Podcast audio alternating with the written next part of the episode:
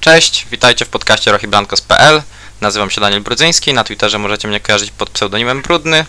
To nasz pierwszy odcinek, a moim gościem jest dzisiaj Kevin Lisek, e, jeden z redaktorów naszego portalu, e, profilu rochiblancos.pl, znany na Twitterze też jako Kevin Lisek.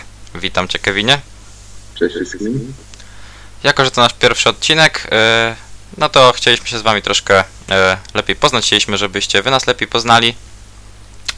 I chcieliśmy opowiedzieć e, o sobie, jak zaczęła się nasza przygoda z Atletico, czemu kibicujemy tej drużynie, bo jednak nie jest to dość oczywisty wybór w Polsce, jak i ogólnie na świecie, myślę, bo jednak Atletico poza Hiszpanią e, ma markę, która mm, pozwala na e, zdobycie większej ilości fanów, ale jest kilka powodów, dla których tych fanów aż tylu, ile by mogło być, nie ma, ale to temat chyba na inny odcinek i moglibyśmy o tym dosyć długo przegadać, także przejdźmy już do e, konkretów w tym materiale.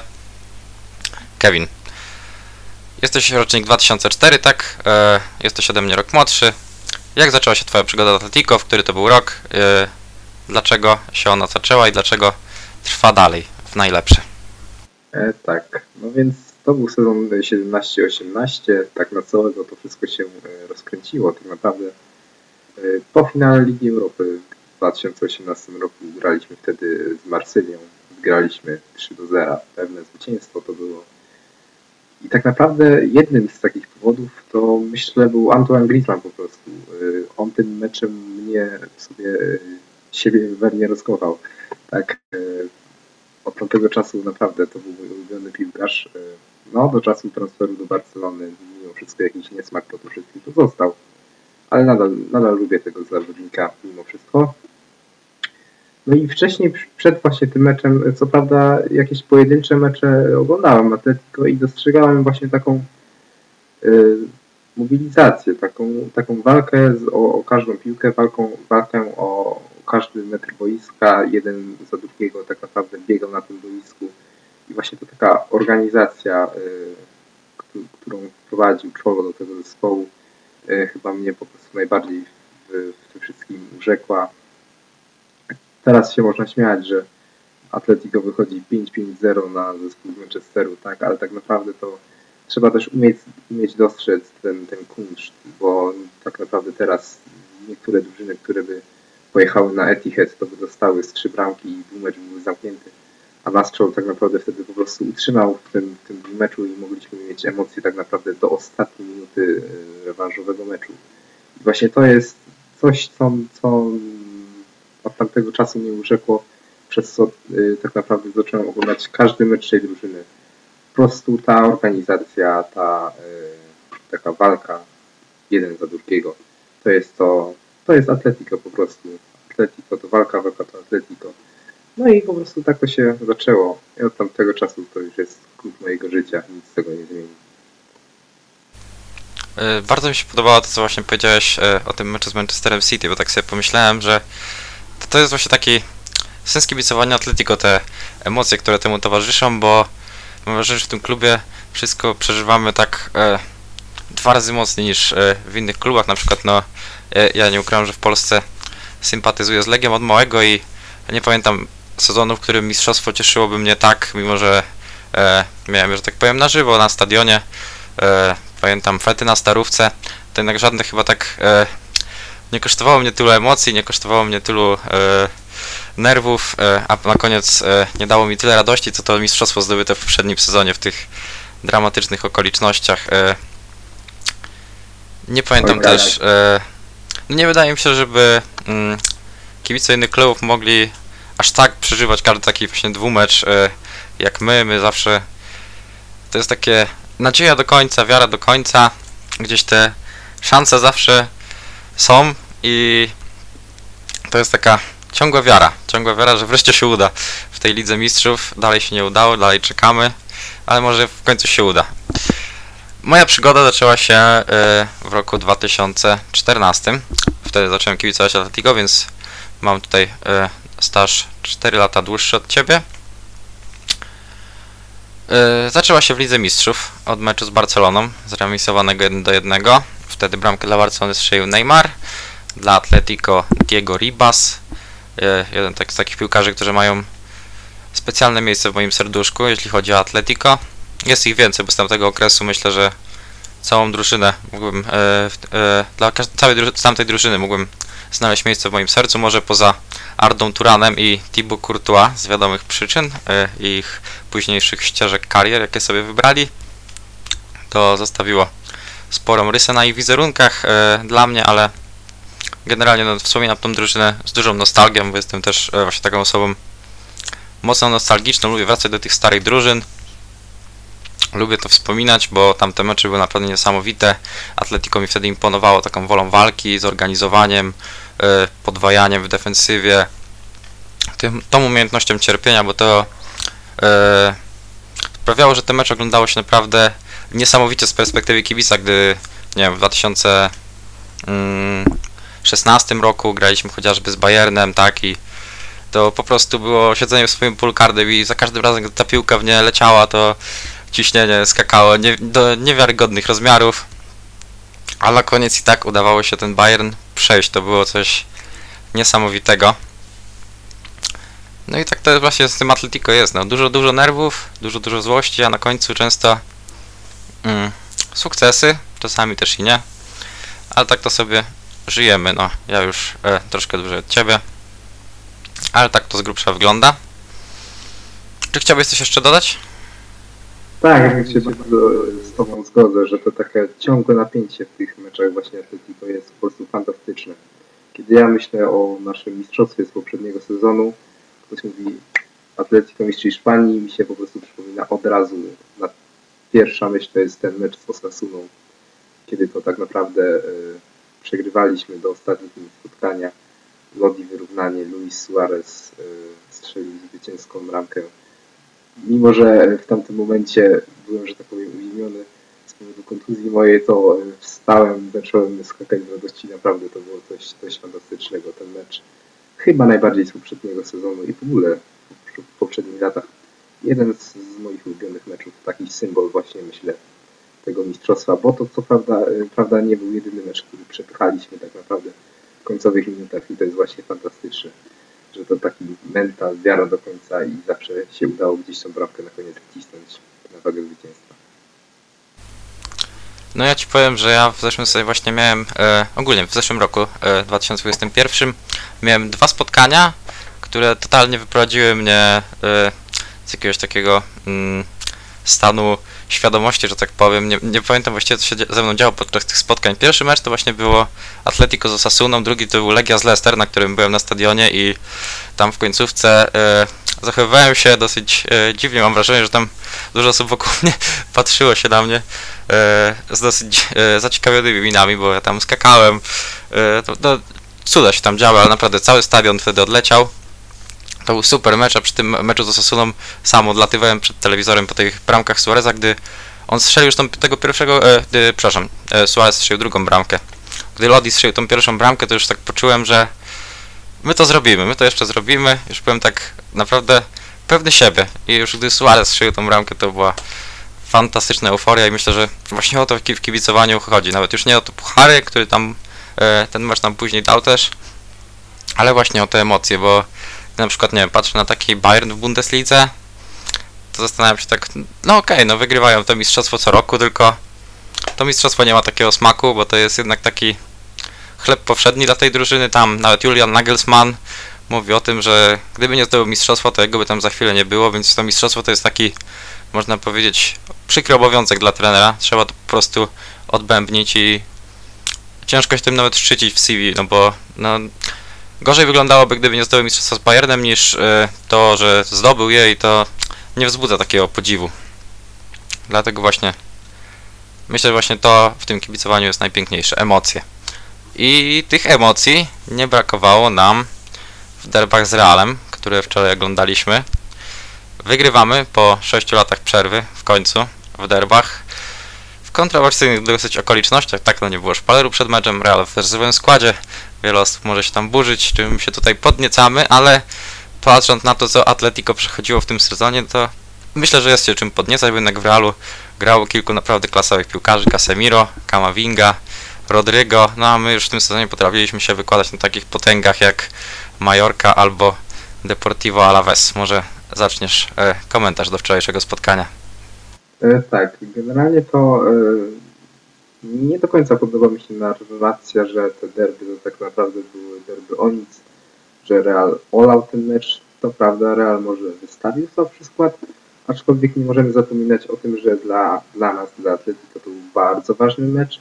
My cały czas jesteśmy w Ligę Mistrzów i tak naprawdę e, te wszystkie e, mecze, które nam zostały, były na wagę złota i potwierdziliśmy chyba tym meczem, tak mi się wydaje, że, że chyba zasługujemy na tą grę w tej Lidze Mistrzów, mimo tego, że Betis w tym sezonie naprawdę fajnie się sprawował i bardzo im kibicowałem, no ale cóż, Atletico jednak w sercu jest i przede wszystkim zadziwia mnie to, że potrafimy po meczu z Bilbao, gdzie no, wyglądało to jak wyglądało, przegraliśmy 2-0 i potrafimy wyjść na, na derby Madrytu tak naprawdę bez kompleksów. Bo ten mecz, mimo wyniku 1-0 po rzucie karnym, on się powinien skończyć y, co najmniej 3-0. Myśmy mieli tam naprawdę bardzo wiele dogodnych sytuacji. Co prawda w drugiej połowie już musiał nas trochę w niektórych sytuacjach ratować Jan Oblak, no ale po to też jest bramkarz y, tak naprawdę, y, który miał gorsze momenty w tym sezonie, ale koniec końców, gdy jest najbardziej potrzebny, to on zawsze nam pomoże. I naprawdę ta gra mogła się podobać momentami. Jest jeden ciemny punkt tej drużyny, ale to myślę, że o nim później porozmawiamy trochę. Myślę, że to nam może też troszkę dostać, bo to jest piłkarz, który ma wielu zwolenników. Ja też poniekąd do nich należę, ale też tutaj e, przyłączę się akurat w tym momencie e, do ciebie. Do krytyki tego zawodnika, może zdradzimy, że chodzi o Angela Correa, ale to do tego przejdziemy później.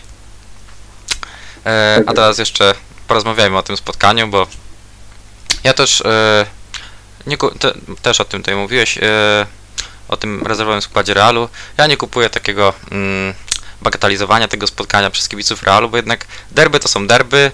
Moim zdaniem, no, w derbach powinno się zagrać na 100%, nieważne jaka jest sytuacja. Okej, okay, rozumiem, gdyby Real miał za chwilkę finał Ligi Mistrzów, ale tutaj jednak e, jeszcze troszkę tego czasu do, mają, do tego 28 maja. Liga już wygrana, jeszcze ten czas był, żeby przetestować tych innych piłkarzy, a to było dosyć takie kiepskie zagranie ze strony To Mi się osobiście nie podoba, że tutaj y, zostały tak derby zlekceważone. Troszkę zabrał atrakcyjności temu spotkaniu. Nawet gdybyśmy mieli tego nie wygrać, to jednak wolałbym chyba, żeby na boisku pojawił się Benzema, pojawił się Modric i żebyśmy mogli zagrać takie równe spotkanie bez żadnych wykrętów. Yy, Atletico pokonuje Real po 6 latach przerwy i to jest zwycięstwo bardzo dla nas ważne, bo kluczowe właściwie w walce o Ligę Mistrzów. Jeżeli teraz pokonamy Elche, no to już zapewnimy sobie to miejsce w Lidze Mistrzów. To jest dla nas świetna informacja po tym ciężkim sezonie, ale jeszcze skupmy się na tym meczu, bo mi on się osobiście bardzo podobał. Patrząc właśnie też na te mecze, o których wspominałem, z Majorką, z Alaves, z tymi wszystkimi drużynami z dołu tabeli, tak właśnie powinniśmy z nimi grać. Wiadomo, że Real to nie jest Majorka, on się przed nami tak nie zamurował, nie zamknął, Natomiast tak, ta, na takiej intensywności właśnie powinniśmy grać w takich meczach z drużynami słabszymi, w których e, chcemy dominować. Powinniśmy właśnie wyglądać tak, jak w tym meczu, to powinien być taki wzór do budowania drużyny na przyszły sezon dla Cholo Simeone. Świetny Mateusz Kunia z przodu, tylko brakowało mu wykończenia. To wykończenie to jest nasza bolączka w tym sezonie i nie tylko. Nasi napastnicy marnują sytuację na potęgę, podobnie jak Kunia. Antoine Griezmann w drugiej połowie wyglądał również fantastycznie. Wreszcie był pod grom, nie znikał. To jest piłkarz, który też jest moim ulubionym, nie będę tutaj ukrywał. Ja go ogromnie cenię za pracę w defensywie, za takie poświęcenie dla zespołu. Zranił mnie tą Barceloną, ale uwielbiałem go na tyle, że nie byłem, e, nie byłem w stanie nigdy mm, odwrócić się od niego tak na 100%. Tylko pojawiła się informacja o tym, że Griezmann może wrócić, no to byłem pierwszą osobą, która e, czekała na ten moment. Dalej w niego wierzę. Myślę, że to on jeszcze nie powiedział ostatniego słowa w tym klubie. I wczoraj to był taki mecz. Dobry prognostyk, bo wreszcie zgadzała się gra, ale dalej nie zgadzają się te bramki. 13 mecz bez gola Griezmana. No i co zrobić, żeby ci napastnicy zaczęli strzelać, Kevinie? No co zrobić? No przede wszystkim yy, oni muszą się odblokować, tak? Na pewno yy, pomógłby w tym wszystkim João Felix, który niestety wypadł nam.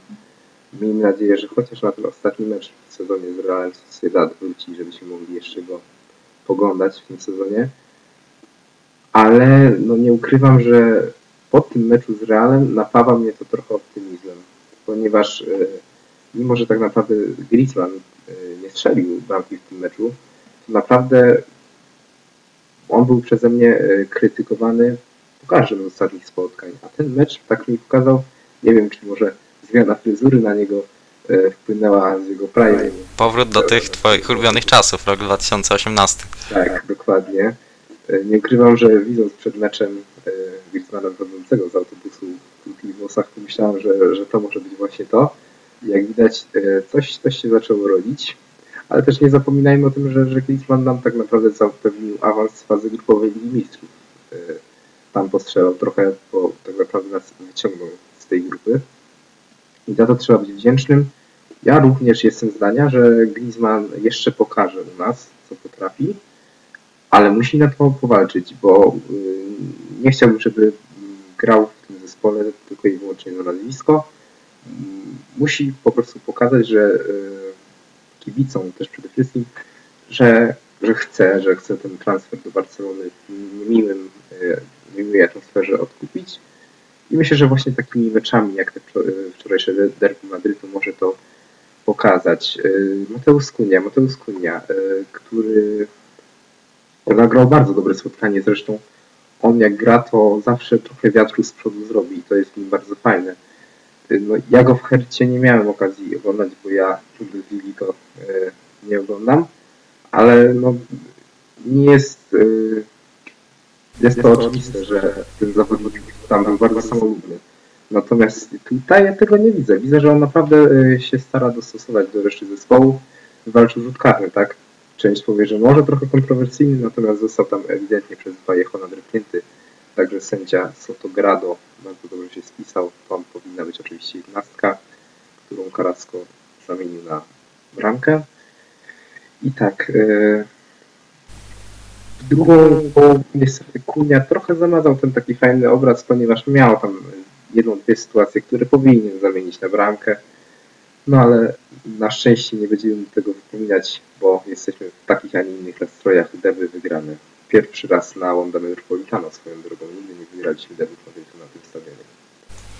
No dobrze, to już koniec tej serii, bo naprawdę była ona dosyć męcząca. Z każdym meczem dłużyła się coraz bardziej. E, wracając jeszcze e, do Mateusa Kuni i tego tutaj e, wtrącenia, e, jeśli chodzi o Hertę Berlin. Ja widziałem jego parę meczów przy okazji tego, że w Hercie grał wtedy Krzysztof Piątek i kilka tych spotkań widziałem i Kunia podobał mi się, natomiast był to zawodnik zupełnie inny niż w Atletico. Tam to był taki piłkarz właśnie grający pod siebie. Taki trochę bardziej egoistyczny y, João Felix. Y, jeszcze można powiedzieć czy z poprzedniego sezonu, czy z rundy jesiennej. Taki mm, właśnie, który robił sporo szumu, natomiast dużo, dużo z tego nie wynikało. Mm, no i w życiu bym nie powiedział, że to jest piłkarz na Atletico. Gdy on do nas przychodził, no to kompletnie nie spodziewałem się, że to może wypalić, ale tutaj e, szapoba dla mm, osoby, która w Kunie w klubie wymyśliła i która stwierdziła, że to może się udać, bo to się póki co udaje i Kunia ma potencjał naprawdę, żeby być tą dziewiątką, stać się tą dziewiątką i troszkę odciążyć władze klubu, e, jeśli chodzi o e, letnie okienko transferowe, no bo myślę, że nawet gdy Luis Suarez odejdzie, no to sprawdzenie tutaj e, jednej klasowej dziewiątki powinno problemy rozwiać. Tak, zresztą chyba mamy swojego faworyta na pozycji dziewiątki Oj, zdecydowanie, natomiast coraz mniej wierzę w powodzenie tego transferu. Chodzi oczywiście o Darwina Nuneza, oba jesteśmy tutaj fanatykami Ligi Portugalskiej i Benfiki. No i mnie ten chłopak urzekł już od y, spotkań z Lechem Poznań w Lidze Europy. Od tamtego czasu już y, wizualizowałem sobie go w koszulce Atletico, grającego y, u boku João Felixa w naszym ataku. I był moment, że naprawdę wierzyłem w to, że on tu przyjdzie, natomiast teraz mówi się, że jednak kierunki angielskie. No i wtedy tutaj pojawia się dla nas problem. Kto zamiast Nuneza, no Nie wiem w jakiej pozycji będziemy finansować, bo z jednej strony słyszymy, że jest jakieś zainteresowanie tym Nunezem, ktoś tam od nas z klubu jeździ na mecze Benfiki, a z drugiej strony tutaj przewijają się takie nazwiska pokroju Lukasa Boye. Absolutnie nie mówię, że to zły piłkarz, natomiast jednak półka niżej. Yy, a cenowo to nawet kilka półek niżej. Zdecydowanie Lukas Boye nie jest opcją, która by mnie urzekła. Aczkolwiek opcją, która mnie nie urzekała był również Mateusz Kunia. Bardzo nie chciałem tego zawodnika u nas w momencie, w którym e, pojawiały się plotki na jego temat, ale tak naprawdę e, przyszedł i pokazał nawet w swoich pierwszych meczach, że, że, że to może być bardzo przydatny transfer. Jestem ciekaw, jakby wyglądał jego sezon, gdyby nie ta kontuzja, którego tak naprawdę na chyba 2-3 miesiące z gry wykluczyła. E, Myślę, że, że on w tym momencie miałby więcej bramek w tej lidze nastukanych, gdyby nie ta kontuzja. Ale on wróci po tej kontuzji i on nie pokazuje kompleksów. On pokazuje, że to rzeczywiście był udany transfer, że to były pieniądze warte wydania. E, Mimo tego, że walczyliśmy wtedy o Wlochowicia, to naprawdę też, e, tak jak mówiłeś, widzę w Kuni potencjał na dziewiątkę, którą on przecież w Hercie nie był. Był niżej ustawionym zawodnikiem, ale to prawda, widzę w nim potencjał właśnie na napastnika e, w naszym zespole na długie lata. Idąc dalej e, formacjami, no to e, może troszkę nie po kolei, ale już wspomniałeś zresztą o Janie Oblaku, który pracuje na nowy kontrakt. Miejmy nadzieję, że pracuje na nowy kontrakt, że będzie chciał go podpisać. A wczorajszym spotkaniu prezentował się zjawiskowo, naprawdę przypominał się ten stary dobry Oblak. I generalnie ta runda wiosenna dla Oblaka, mm, no może z wyjątkiem początku już jest lepsza. Widać, że Słoweniec wraca na właściwe tory. Miejmy nadzieję, że w przyszłym sezonie to już będzie e, ten sezon oddzielony grubą kreską i wróci stary dobry oblak na stałe, bo jest nam bardzo potrzebny, co pokazał ten sezon. Bez oblaka było naprawdę ciężko. Gubiliśmy punkty na potęgę i nie wyglądało to dobrze. Mm, dalej, mamy pomoc, która w meczu z Realem wreszcie funkcjonowała dobrze. Mm, Mam też tutaj taką statystykę od Atletico Stats, e, profilu, który bardzo zresztą polecam na Twitterze. 43% uzyskanych piłek przez Atletico w ostatnim spotkaniu to zasługa Llorente, Koke Kondogbi i Mateusa Kunia, więc Kunia można powiedzieć, że e, udało się Cholo Simone zaszczepić w nim to cholizmo. Pracuje dla zespołu, pomaga kolegom. Ale to jest właśnie ważne, bardzo ważne, żeby te piłki odbierać już w drugiej, e, w drugiej linii. Tego brakowało wcześniej. Generalnie mm, zarówno Koke, jak i Llorente w tym sezonie rozczarowują. Jeżeli chodzi o Kondogbie, no to ja o nim wypowiadam się właściwie w samych superlatywach. Y, imponuje mi ten piłkarz i nie tęsknię już tak za Tomasem Partejem, chociaż czasami gdy włączę Arsenal, to zdarza mi się zatęsknić, bo ten sezon jest dla Gańczyka naprawdę udany. Gdyby nie kontuzji, byłoby jeszcze lepiej. Natomiast środek pola zaczyna funkcjonować lepiej i Tak, to jest dla nas bardzo dobra wiadomość. E, Zdecydowanie. Uważam właśnie, że, że pomoc nam tak naprawdę ten mecz wygrała. Taka moja opinia jest. Do Kondogbia po odejściu ja tak naprawdę rozpaczałem. E, Było mi strasznie żal, że ten zawodnik odchodzi. I Kondogbia przychodząc na jego zastępstwo mnie nie przekonywał. Zresztą on stał w naszym zespole razem z Lukasem Torreirą, który też wtedy do nas przychodził z Arsenalu. E, Nie mieli oboje dobrego startu. No Lukas się nigdy już u nas nie sprawdził. Natomiast Kondogbia to jest materiał, mm, nie chcę tu przesadzić, ale naprawdę połowego pomocnika defensywnego. Y, Zresztą on y, tak naprawdę nie tylko tam może zagrać, bo również na początku sezonu zdarzało się, że grał w środku obrony i również sobie kapitalnie radził. Gdy on przychodził, nie spodziewałem się tego, że ta forma tak wystrzeli, mimo że w tej Walencji to był przecież też bardzo dobry piłkarz. No, Nie można się oszukiwać, tak? I naprawdę, e, moim zdaniem, Kondogbia to jest top 3 zawodników Atletico tego sezonu bez problemu i myślę, że walczy właśnie o tego najlepszego w tym sezonie, bo naprawdę on nam e, te mecze zapewnia właśnie taką e, stabilność w środku pola i odciąża też trochę Kokę z jego e, pracy, którą no, miał start sezonu Kokę był katastrofalny, tu nie można, nie, nie można powiedzieć inaczej. Naprawdę to nie był Koke, który nas przyzwyczaił do, do swojej gry. Natomiast teraz y, Koke również wydaje się właśnie wracać na, na odpowiednie tory i tak jak y, wcześniej można było kwestionować to, czy on powinien startować w podstawowym składzie, tak teraz myślę nie ma takich wątpliwości. On i Kondogbia to są y, dwaj zawodnicy, od których właśnie układanie składu y, Simone powinien zaczynać i myślę, że do tego nie ma najmniejszych wątpliwości. Natomiast skoro jesteśmy jeszcze w temacie środku pola, to e, Rodrigo de Paul. E, co sądzisz o tym? Czy, czy ten transfer... tym Chciałem właśnie poruszyć ten temat. Jak wiesz, e, my kiedyś prowadziliśmy e, dosyć ostrą dyskusję na temat Rodrigo de Pola. Ja mówiłem wtedy, że de Paul jest troszkę przeceniany i mam wrażenie, że jest tak e, na siłę wybijany jako tutaj e, ten cudowny piłkarz, bo wtedy akurat Atletico nie szło i on jako jedyny prezentował się tam całkiem przyzwoicie. Natomiast dla mnie De Paul tego sezonu do udanych na pewno nie zaliczy. Okej, runda jesienna była fajna, natomiast wiosną De Paul mi się nie podoba w większości spotkań. Dużo błędów, dużo strat. E, Teraz też jakieś problemy tam w sferach prywatnych. Nie wnikałem w nie szczerze powiedziawszy, natomiast widziałem jakąś tam bardzo długą nitkę na Twitterze od jakiejś pani, e, która też, e, ona chyba była w języku hiszpańskim, więc też e, nie czytałem i tak dokładnie tłumaczenia też nie były najlepsze, więc nie będę tutaj wnikał w szczegóły, ale tam u Depola generalnie nie za ciekawie e, na wszystkich polach teraz. Ale też kolejny pomocnik, który w moich oczach traci, to Toma Lemar. Ta runda wiosenna również u niego nie jest najlepsza. Teraz jeszcze ta kontuzja.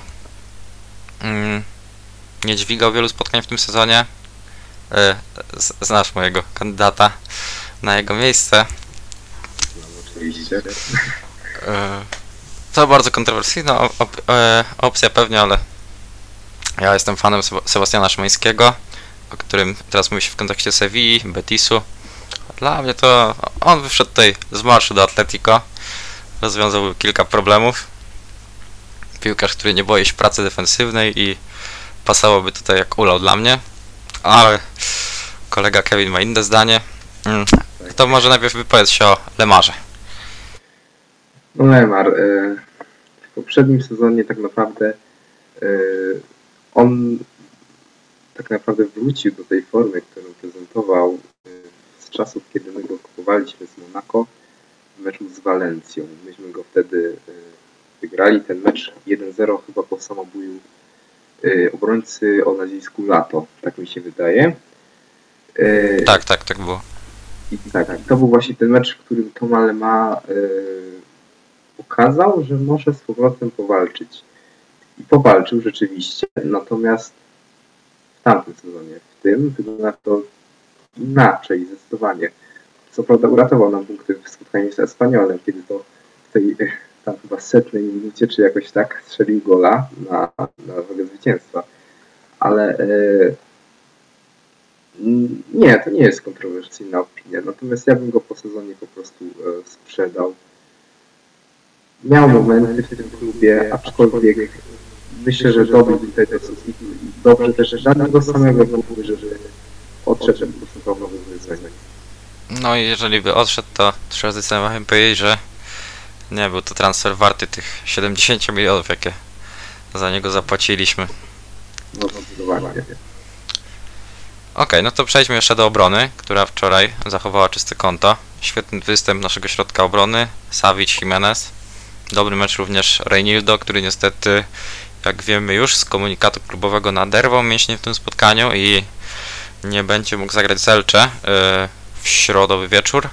Podobnie jak Marcos Llorente, który będzie pauzował za żółte kartki, także osłabieni przystąpimy do tego boju o Ligę Mistrzów, jak to mówi Cholo Simeone jednego z tych naszych małych finałów. Co Kevinie sądzisz o obronie? I ja tutaj pochwaliłem Jimeneza i Savicia, ale nie wspomniałem jeszcze o Shime Salko, a ty jesteś chyba fanem tego piłkarza. Może nie tyle co fanem, co y, po prostu bardzo go lubię. Jest, no, to znaczy w momencie, w którym odchodził Trippier, nie, myśl, nie, nie spodziewałem się tego, że tak skutecznie ten piłkarz właśnie zastąpi Anglika. Bo co prawda y, to nie jest zły piłkarz przede wszystkim. On by teraz by spo- spokojnie się jeszcze w czołowych klubach Europy na bardzo fajnym, wysokim poziomie y, pograł. I naprawdę to, co ro- zrobił w tym sezonie, jestem mu wdzięczny po prostu za to. Rozważyłbym ro- przedłużenie z nim kontraktu prędzej niż z Felipe, a, a podobno z Felipe kontrakt został przedłużony. Natomiast no, no, osobiście no, chyba nikt nie jest fanem Felipe w tym zespole. E, No niestety jest jaki jest, aczkolwiek Versaliko zaskoczenie na plus, na bardzo duży plus. Trzeba pochwalić tego piłkarza, bo może nie tyle co wszedł w buty. Tripper tutaj jednak grał na fajnym poziomie, na bardzo fajnym poziomie, a wiemy, że Anglicy poza Premier League się rzadko sprawdzają, co Tripper ten kompletnie przekreślił i mam nadzieję, że trochę utarł ścieżkę w ogóle dla tych angielskich piłkarzy, żeby się nie zamykali tylko właśnie na tą swoją rodzimą ligę, a przychodzili e, właśnie też do, do, do innych lig. No Tylko wiesz, to też jest temat na osobną rozmowę. Im bardziej opłaca się zostawać w tej rodzimej lidze z wiadomych względów finansowych. Ale jeszcze e, trzeba też wam powiedzieć, że tutaj e, w tym sezonie jedyny duet obrońców, który, przy którym można spać spokojnie, to jest stawić Jimenez. I tutaj e, nie ma w ogóle innego wyboru. To, co trzeba zrobić w oknie transferowym, to kupić solidnego, środkowego obrońcę. Bo ani Felipe, ani Hermoso w tym sezonie kompletnie nie dawali argumentów, żeby na nich stawiać. No właśnie, jeżeli mówimy o tych piłkarzach do odstrzału, to dla mnie absolutnie do odstrzału jest Mario Hermoso. Gdy widzę go na boisku, no to dostaję gęsiej skórki i ataków paniki, bo nigdy nie wiadomo, co on w tej obronie zrobi. Bardziej spokojny jestem, gdy staje w polu karnym przeciwnika, tam zazwyczaj nie zawodzi w kluczowych momentach. I za to mu chwała, bo zdobył dla nas bardzo ważne punkty w tym sezonie, natomiast też parę tych punktów przez niego straciliśmy. Mm, numer z Bilbao to już było takie dopełnienie naprawdę tego tragicznego sezonu Hermoso, z którym stało się coś złego w tym roku. No niestety. On startu też nie miał dobrego. Miał dobry y, następny sezon, chyba ten poprzedni. Tak, tak, no ten sezon był dobry w jego wykonaniu. I liczyłem na to, że właśnie coś z niego będzie, natomiast ten sezon to jest katastrofa totalna. Dobrze, że Simeone go schował do lodówki po tym meczu z Barceloną i nam aż tak nie popsuł, a nawet uratował, prawda, właśnie w tych meczach, tak jak wcześniej wspomniałeś. No Właśnie, też Mario Hermoso naraził mnie na, na pośmiewisko na naszym Discordzie, bo gdy Adama Traore przychodził do e, Barcelony, to troszkę obśmiewałem ten transfer, e, troszkę Premier League oglądam, więc nie spodziewałem się tym piłkarzu za wiele, no a Mario Hermoso został wsadzony przez Traore na karuzelę. Całe szczęście moja teza, że Traore w Barcelonie to nie jest dobry pomysł. e, W kolejnych spotkaniach już zaczęła się brodzić, natomiast no Hermoso w jego debiucie wystawił mnie na ciężką próbę. Naprawdę, nie wiem jak można było się... No, on bał się do niego podejść w tamtym spotkaniu. No to była absolutna tragedia w jego wykonaniu. Tak, Nie dokładnie. można tak, tak wy- wyjść z takim nastawieniem na boisko. Natomiast teraz chyba trzeba przejść do e, części grillowania pewnego Ale to, to za chwilę, za chwilę, bo jeszcze chciałem poruszyć właśnie ten temat prawej obrony e, i zastępstwa Trippiera. E, bo w klubie jest Daniel Was, natomiast Daniel Was zagrał jedno spotkanie z Barceloną u nas i nie wiadomo za bardzo co się dzieje z tym piłkarzem. Czola na niego nie stawia. I chciałem Cię zapytać, kogo Ty byś widział na tej prawej obronie u nas, bo pojawiają się różne plotki, chociażby o Giovannim Di Lorenzo ostatnio. Mm, ale mówi się też o innych piłkarzach. Mówiło się Pedro Porro, natomiast ten temat już chyba jest zamknięty, tak, bo Sporting wykupi tego piłkarza. Wiadomo, na początku mówiło się o Matim Keszu, którego byłem dużym zwolennikiem, natomiast też już przedłużony kontrakt w Aston Villa. Raczej możemy się z tym piłkarzem pożegnać i te opcje na prawej obronie nam się powoli kończą. E, Tak, e, no swego czasu bardzo popularny był tutaj właśnie w kręgach kibiców Atletico e, Nordi Michele, natomiast ten temat zarówno przez kibiców Bundesligi, e, jak i po prostu umarł śmiercią naturalną. Kibice Bundesligi, między innymi Camelon, którego serdecznie pozdrawiamy, odradza na ten transfer. I się A też tego- e, ostatnio właśnie widziałem na Twitterze, że Mukiele ma trafić do Premier League. A, Więc też już e, ten temat będzie raczej dla nas zamknięty. Na pewno odchodzi z Lipska po tym sezonie. Aha, okej. Natomiast tak, Mukiele mi przeszedł, również byłem wielkim zwolennikiem Matiego Kesha. Uważam, że on ma papiery na sprawdzenie w przyszłości i na pewno bym nie odpuszczał tego zawodnika, bo to jest y, zawodnik, którego po prostu lubię. Nawet gdyby nie paszportu polskiego i gdyby nie grał dla naszej reprezentacji, to bym go bardzo chętnie tutaj widział. Natomiast aktualnie z opcji dostępnych, y, o których się mówi, jak Di Lorenzo, czy również pojawiały się plotki o Van Bissace z United, to I tutaj e, mówiąc- Van Bissaka dla mnie jest moim faworytem. Za chwilkę rozwinę dlaczego. Dobrze, y, natomiast y, moim nie, ani Lorenzo, ani Van Bissaka nie są moimi faworytami. No szkoda Wasa, szkoda, że nie pokazał co potrafi, natomiast to wiadomo, to była opcja krótkoterminowa na teraz i ona nawet nie wypaliła w tym przypadku, bo wiadomo, pierwszy mecz i kontuzja od razu. Pierwsza taka poważna od bardzo długiego czasu zresztą, więc to naprawdę Tak, był bo- ogromny pech. Bo to, jest zawodnik, który po prostu nigdy praktycznie nie był kontuzjowany i to naprawdę jest ogromny pech. Natomiast y, chcę, chcę go zobaczyć od pierwszej minuty meczu z Elche, bo on jest już od jakiegoś czasu po prostu powoływany do kadry na mecze, więc do gry również jest gotowy. Dlatego na mecz z Elche chcę go zobaczyć. Natomiast y, Van Bissaka mnie nie przekonuje. Cicho nim jest w United i wydaje mi się, że e, nawet chyba jego Dalot gra tam lepiej, chociaż w United e, chyba nikt nie gra dobrze. Ale jaka jest twoja opinia na temat Van Bissaka? Mm, Jeśli chodzi o Dolota, no to nie gra też dobrze, ale myślę, że jest to lepszy poziom od Van Bissaki, a ja mimo tego Van Bissakę w Atletico bym chciał zobaczyć, bo mam wrażenie, że to jest taki piłkarz, który pokazał już bardzo dużo w Crystal Palace, tam naprawdę prezentował się znakomicie, nie bez powodu właśnie przyszedł do United, po bodajże zaledwie jednym sezonie w Crystal Palace, który grał w pierwszym składzie. I mam wrażenie, że to jest obrońca, który do United po prostu nie pasuje, to jest obrońca, który czułby się dobrze właśnie w takim e, w takiej głębszej defensywie. To jest zawodnik, który dysponuje świetnym ślizgiem. Naprawdę te wślizgi swego czasu miał najlepsze w Premier League, imponował tym, e, tymi odbiorami na wślizgu właśnie. I mam wrażenie, że to jest zawodnik, który do Atletico bardzo pasował. Bo jednak o ile Kieran Trippier przychodził do nas z takim, taką łatką obrońcy, który tak średnio potrafi bronić, raczej to jest zawodnik do przodu, to Van Bissaka to jest właśnie obrońca który do przodu rzadko kiedy coś zrobi. Mm, No chyba, że akurat e, nie wybiorę go do składów fantazy, to wtedy już zdarzyło mu się zaliczyć jakąś asystę. Natomiast on raczej się tak do przodu nie zapędza.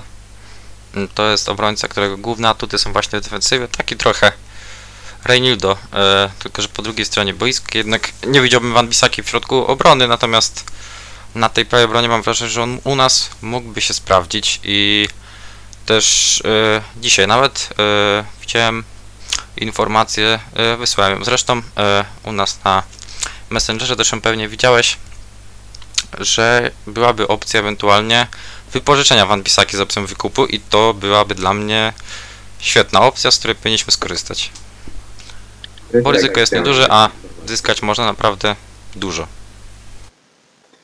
Tak, bo przede wszystkim właśnie też pamiętam, ten, jak o tym zawodniku było głośno w Crystal Palace i ten jego start w United też chyba z tego co pamiętam najgorszy nie był. Natomiast no uważam, że ten temat właśnie prawej obrony będzie u nas wracał tydzień po tygodniu e, w najbliższym czasie, bo to jest po środkowym obrońcy chyba największy priorytet nasz, no to okno transferowe przyszłe. Ja nawet na ten moment nie mam swojego faworyta, który mógłby tu przyjść. Po prostu nie chcę, aby to był właśnie jakiś taki transfer typu Daniel Was. E, Wątpię, że to e, takie transfery będą wy- wypala- wypalać. Ja też tutaj Wasa nie chciałem. No, jak widać, flop ten transfer jest flopem. Okej, no to już przejdźmy do tego, e, do tego tematu, po którym e, wszyscy wyłączą ten podcast i więcej już go nie włączą, czyli Angel Correa, osąd bohatera. E, ty może Kevinie zacznij, bo ty myślę masz e, bardziej negatywny stosunek do Angela. Ja go spróbuję troszkę pobronić, a potem wbiję mu nóż w plecy. No więc jakby problemem nie jest tylko wczorajszy mecz, natomiast od tego zacznę. Ten pan, Angel Correa, ma problemy na podstawowym, mam wrażenie, poziomie przyjęciu i odegraniu piłki. On tam również miał setki, które on powinien wykorzystywać. Natomiast każda piłka zagrana do niego to jest strata. Trochę mi to przypominało coś takiego, gdzie w środku sezonu Janik Karasko popadł w taki marazm ze swoimi dribblingami, że kończyły się one na końcowej linii boiska i po prostu y, rzutem z y, autem bramkowym dla przeciwnika. Natomiast Korea, y, przepraszam bardzo, Karasko zaczął te driblingi, zaczął te driblingi coś przynosić, a Korea, sprawdziłem to, ostatni raz strzelił bramkę 19 lutego, chyba tak mi się wydaje, mogę się ale to i chyba 19 lutego ostatnio strzelił bramkę. E, zaraz, za chwilkę sprawdzę do zweryfikowania. Co Kontynuuj. prawda no, był też po drodze y, kontuzjowany, natomiast y, start sezonu jasno to nie można w ogóle nic mówić, miał fantastyczny, prawda? Stelton dwie bramki, później, później niejednokrotnie nam, że tak powiem, dawał punkty w, w meczach, natomiast on od jakiegoś czasu naprawdę y, nie gra nic. Y, ale to, co też zauważyłem, to że ten zawodnik kompletnie nie radzi sobie, kiedy wychodzi w podstawowej 11. Jak ma wejść w drugiej połowie meczu na przykład, to jest w stanie zrobić trochę wiatru z przodu. Natomiast na tym chyba kończy się jego przydatność w tym zespole, niestety. Co prawda też nie jestem w stanie go totalnie skrytykować od góry do dołu, bo jednak jest przywiązanie jakieś do tego zawodnika. Natomiast e, pamiętam jak ten Milan się po niego zgłaszał i on był tak bardzo bliski przejścia do tego klubu. Ja go wtedy wypychałem z zespołu, też chciałem, żeby wtedy odszedł, natomiast został i w tym tragicznym sezonie był jednym z naszych lepszych zawodników, trochę wtedy uspokoiło to moje emocje w stosunku do niego.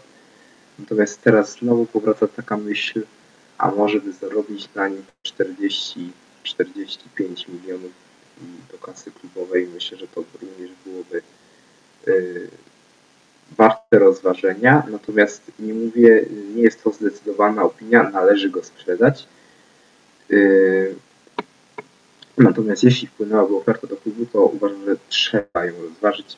Są w tym klubie zawodnicy, który, którzy po prostu bardziej zasługują na tą grę w formacji ofensywnej, jak Felix, Unia, prawda, którzy tak naprawdę y, pokazują fajny poziom, a Angel Correa w ostatnim czasie po prostu nic, totalnie nic mu nie wychodzi.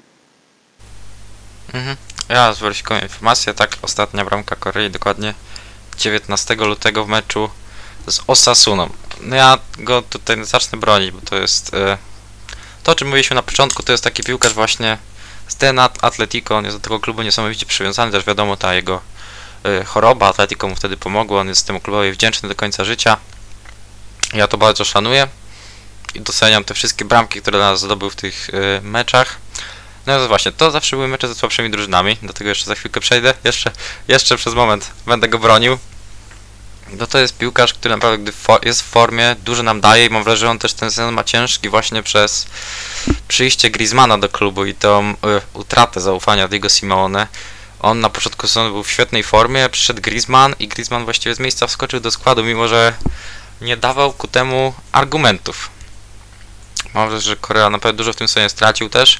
To też widać po tych statystykach, które przygotowałem, po- pogrzebałem troszkę na Transfermarkcie, może właśnie przejdę do tych statystyk, bo największą e, wadą, która mnie w Korei mierzi, są mecze przeciwko wielkim drużynom. E, nie przypominam sobie meczu, w którym Korea zagrałby jakoś naprawdę nadzwyczajnie dobrze przeciwko e, bardzo mm, w jakimś takim bardzo ważnym spotkaniu, które okej, były takie ważne mecze.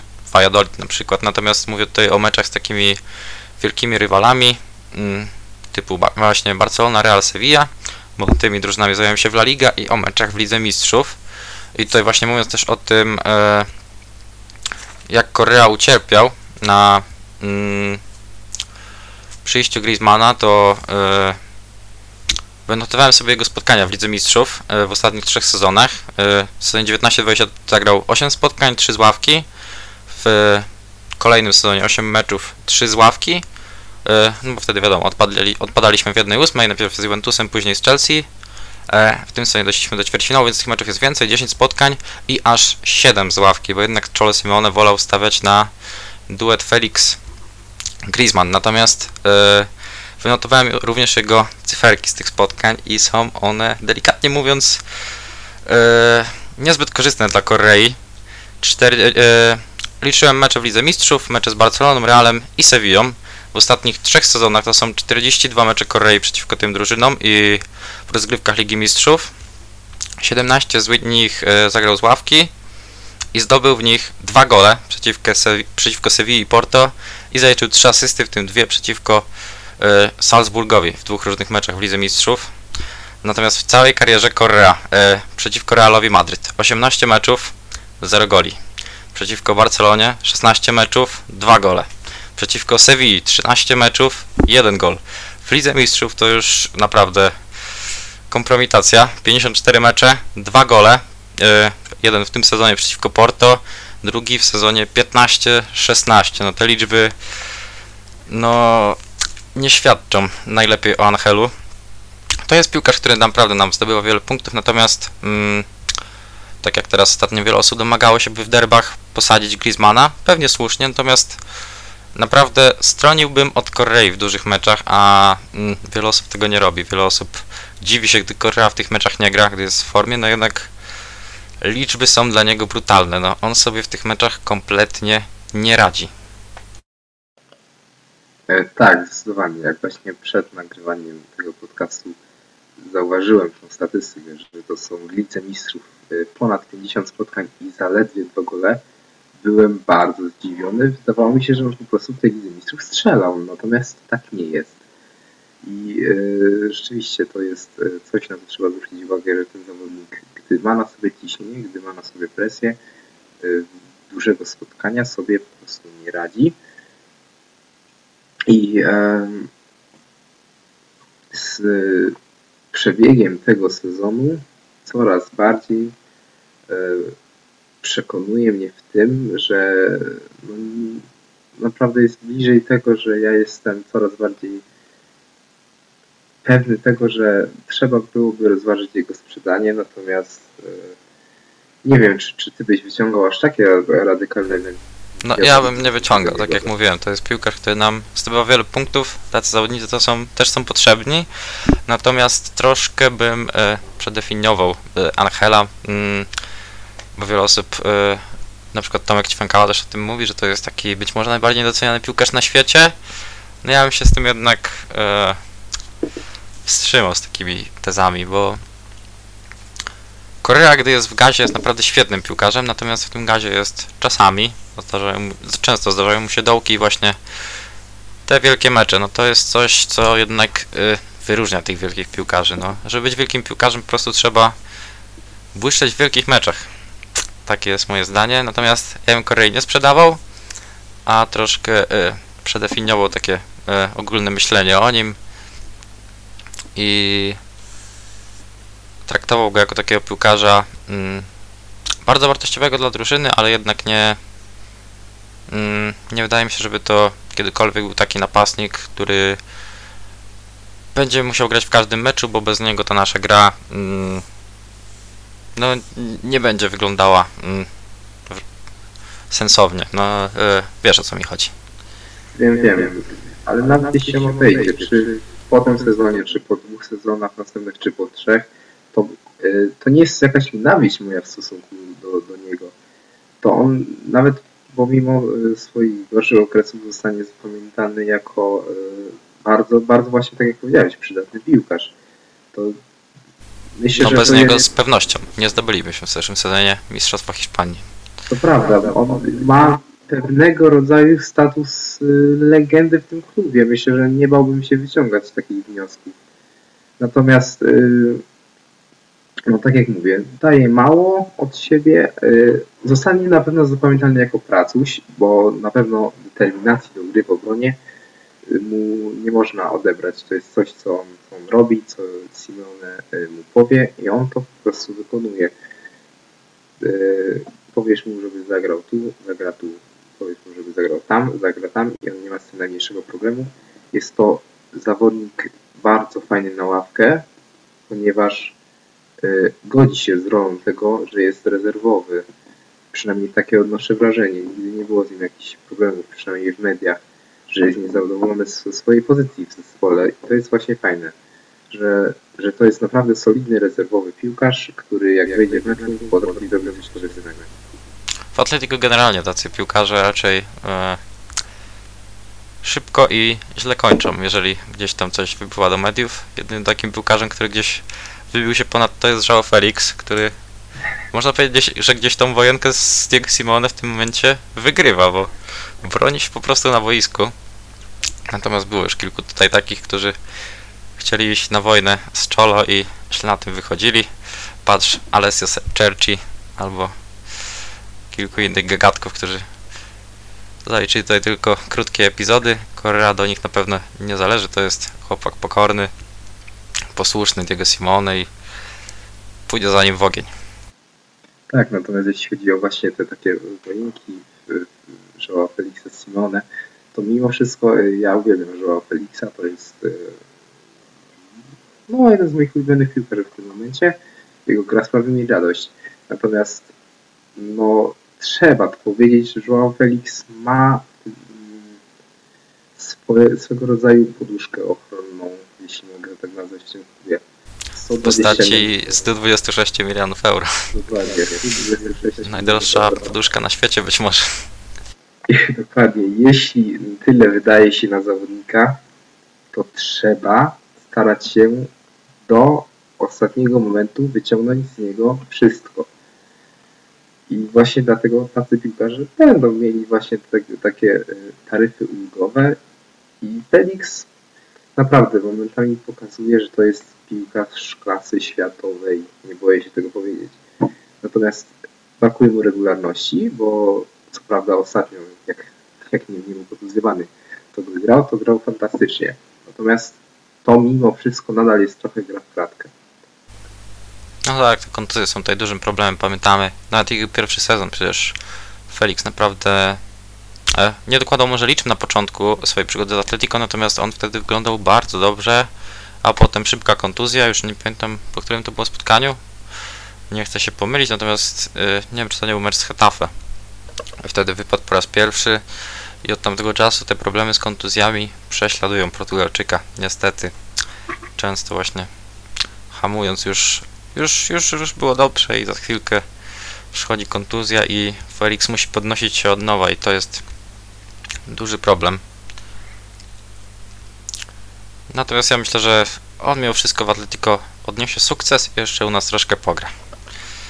Że on e, powoli e, dostosowuje się i powoli e, zaczyna mm, rozumieć swoje miejsce w tym klubie akceptować je i mm, nie wiem, czy e, będzie kiedyś miał tak bliskie relacje z Diego Simone jak Antoine Griezmann, zapewne nie. Natomiast mam nadzieję, że się panowie jakoś dogadają na dłuższą metę. Natomiast y, jestem bardzo ciekawy, czy y, ta dobra gra Joao Felixa w ostatnich tygodniach y, jest spowodowana tym, że gra na transfer, czy tym, że po prostu e, zaczyna widzieć właśnie, że, że to nie jest zespół, w którym będzie grał bardzo ofensywnie, natomiast zespół, w którym jak widać może odnieść sukces. Ja czuję, że to może być pewnego rodzaju kazus Griezmana, który też poświęcił się przecież dla tej drużyny i po właśnie odejściu do Barcelony e, on nie wyglądał tak dobrze, tak? Myślę, że właśnie to jest, będzie coś podobnego że on się stanie właśnie takim solidnym naszym zawodnikiem na długie lata i mam taką nadzieję, bo po prostu uwielbiam tego zawodnika i patrzeć na jego grę. Atletico można powiedzieć mamy takie dwa procesy, jeden e, pożądany przez kibiców właśnie Casus Griezmana, który jest napastników zaczyna nam przypominać tego Griezmana z najlepszych lat, a drugi taki proces, e, który mam wrażenie niestety e, atakuje obecnie Marcosa Llorente, czyli taki proces saulizowania e, Llorente przez Simone, rzucania po wszystkich pozycjach takiego mm, piłkarza do wszystkiego i do niczego. Mam nadzieję, że to się zmieni w przyszłym sezonie, kiedy już kadra będzie szersza i Llorente będzie mógł grać tam, gdzie czuje się najlepiej, bo no ten sezon jest do zapomnienia w jego wykonaniu. Prawda, jak się pomyśli o tym, że on w poprzednim sezonie zrobił double-double, to jest naprawdę niewiarygodne. On w tym sezonie chyba nawet bramki chyba nie strzelił, jeśli dobrze myślę. Dokładnie. Jego ostatnia bramka, e, kilka dni temu była rocznica jego ostatniej bramki. No właśnie. Także to jest tym bardziej aż zadziwiające. Nie spodziewałem się e, takiego e, obrotu tych spraw, ale to właśnie dobrze pomyślałeś, dobrze powiedziałeś, że to jest taki proces saulizowania, tylko że Saul był rzucany na lewe wahadło, a Jorente na prawe. Także są tu właśnie różnego rodzaju podobieństwa między ty- tymi sytuacjami tych zawodników. Okej, mamy już 55 minut e, naszej rozmowy. Bardzo szybko mi to zleciało, szczerze powiedziawszy, więc chyba będziemy powoli już kończyć ten nasz pierwszy odcinek, ale jeszcze e, chciałem poruszyć na koniec e, temat naszego środowego meczu z Elche. Jakie są Twoje przewidywania? Będzie Liga Mistrzów już po tym spotkaniu, czy jeszcze trzeba będzie na nią poczekać? będzie Liga Mistrzów po tym spotkaniu, natomiast e, przede wszystkim tak, jest taka jedna obawa przed tym meczem u mnie, że, że, że mimo dobrej gry z Realem Madryt, bardzo fajnej gry, my znowu z takim słabszym zespołem gaśniemy. Natomiast co ja obstawiam? Obstawiam skromne, ale zwycięstwo. Myślę, że, że tak będzie wyglądać. Wszyscy uwielbiają oczywiście Twoje obstawiania. Kto wie, ten wie. Ja również myślę, że y, to już nie będzie tak fajny mecz jak z Realem, że to jeszcze nie jest ten moment, ale że przepchniemy to w naszym stylu i już jak jest cel do zrobienia, to zrobimy to. I ta, ta, z taką y, nadzieją będziemy czekać na to środowe spotkanie z Elcze. A za dzisiaj dziękujemy już bardzo serdecznie. Był ze mną Kevin Lisek. Ja nazywam się Daniel Brudzyński i żegnamy się z Wami. Miejmy nadzieję do następnego odcinka, że będą kolejne. Myślę, że będą. Będą się pewnie pojawiać tak co tydzień, co dwa tygodnie. Myślę, że będziemy starali się utrzymać taką regularność. Do usłyszenia.